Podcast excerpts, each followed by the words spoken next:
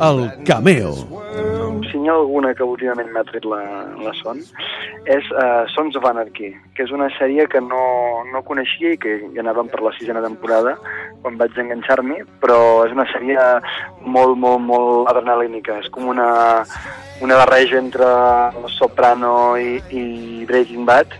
i va sobre la vida doncs, d'una doncs, sèrie de, de moteros en un poble molt petit dels Estats Units i que a més a més de dedicar-se a a arreglar motos i cotxes i anar amb la moto doncs, fan altres activitats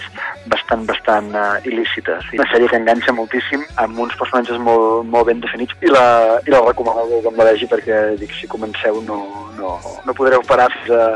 fins a saber el final.